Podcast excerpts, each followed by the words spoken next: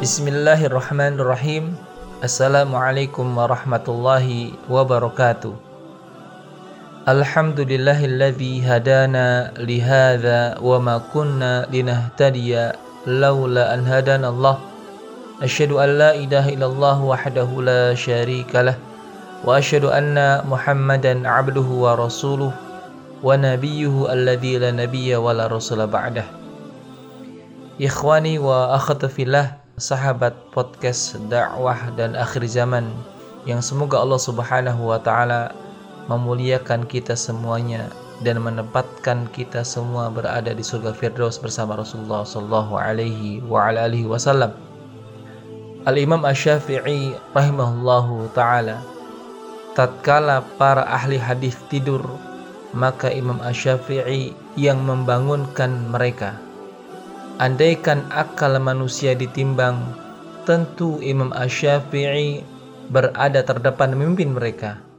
Ia meminum air lidur Nabi Shallallahu Alaihi Wasallam dan Ali bin Abi Thalib radhiyallahu anhu memberikan cincinnya kepadanya.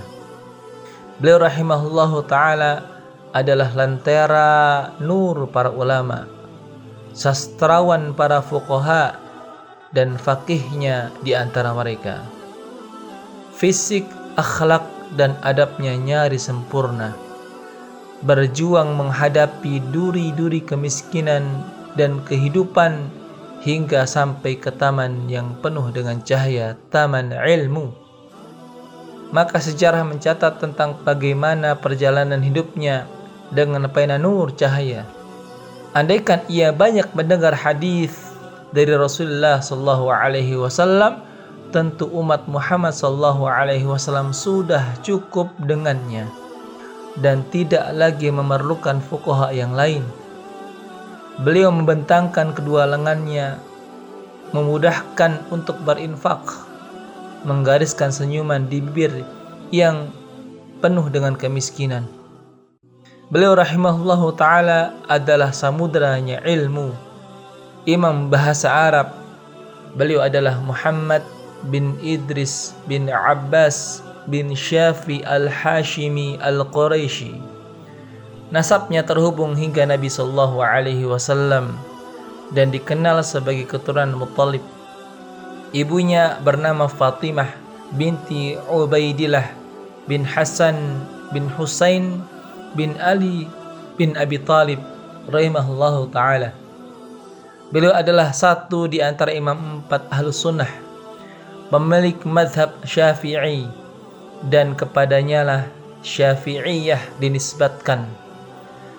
Satu-satunya di masanya yang merupakan reformis abad kedua hijriyah beliau rahimahullahu taala lahir di Gaza pada tahun 150 hijriyah 140 tahun setelah wafatnya Rasulullah Shallallahu alaihi wasallam dan 30 tahun yang lalu merupakan sahabat Nabi SAW yang terakhir wafat bernama Abu Qilabah.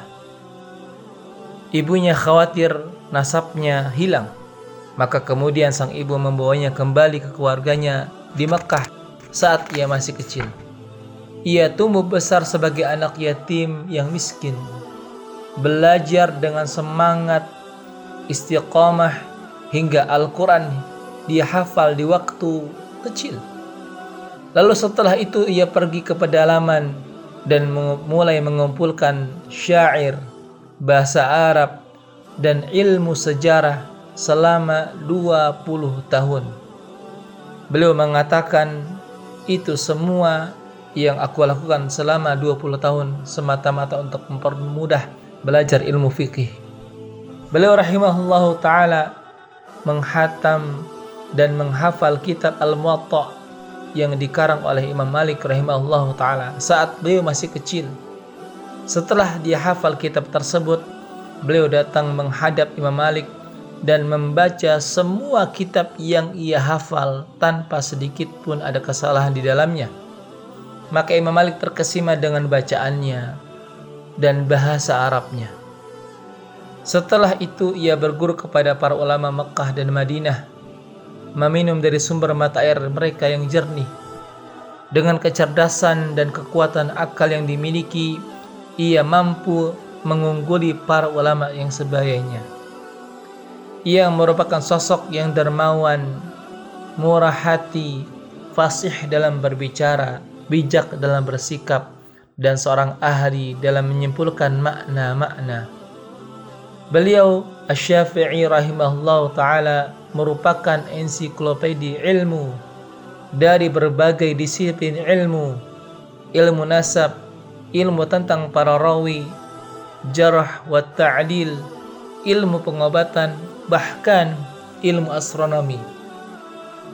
Memiliki hujah yang begitu kuat, ahli berdebat dan memuaskan mereka yang tidak sependapat. Ia memiliki kelebihan di atas para ulama dan fuqaha. Al-Imam Ahmad rahimahullah taala salah seorang murid beliau dan juga merupakan imam ahlu sunnah berkata tidak ada satupun ahli hadis yang menyentuh tinta dan memegang pena melainkan Imam Ash-Syafi'i pasti memiliki jasa terhadapnya. Al-Imam Ja'farani berkata, para ahli hadis yang tertidur lelap hingga kemudian Imam Asy-Syafi'i membangunkan mereka dengan ilmu Imam Syafi'i. Imam Rabi' bin Sulaiman rahimahullah taala berkata, andaikan akal Imam Asy-Syafi'i rahimahullah ditimbang dengan separuh akal penduduk bumi, tentu akal Imam Asy-Syafi'i lebih berat ukurannya, lebih berat mikdarnya Andaikan ia berada di tengah-tengah Bani Israel, tentu mereka sangat butuh terhadapnya. Rahimahullahu taala Imam Asy-Syafi'i kemudian wafat di Mesir pada hari Kamis setelah salat maghrib. Beliau dimakamkan pada waktu asar di hari Jumat, hari terakhir bulan Rajab. Saat orang-orang pulang setelah mengantarkan jenazahnya mereka melihat hilal padahal itu bukan Sya'ban di tahun 204. Imam Asy-Syafi'i meninggal di usia 54 tahun dan makamnya dikenal dengan namanya rahimahullahu taala. Begitu besar jasa beliau terhadap umat ini dan beliau adalah ahlu bait dari Rasulullah sallallahu alaihi wasallam. Semoga kita dikumpulkan bersama beliau dan juga bersama Rasulullah Shallallahu Alaihi Wasallam dan bersama para aimatul huda untuk menapati surga firdausil a'la. Allahumma inna nas'aluka al-huda wa tuqa wal afafa wal ghina. Allahumma inna nas'aluka al-jannah. Allahumma inna nas'aluka al-jannah wa wahsyurna ma'as-siddiqin was-salihin wasyuhada. وحسن أولئك رفيقا والحمد لله رب العالمين. سبحانك اللهم وبحمدك أشهد أن لا إله إلا أنت أستغفرك وأتوب إليك. والسلام عليكم ورحمة الله وبركاته.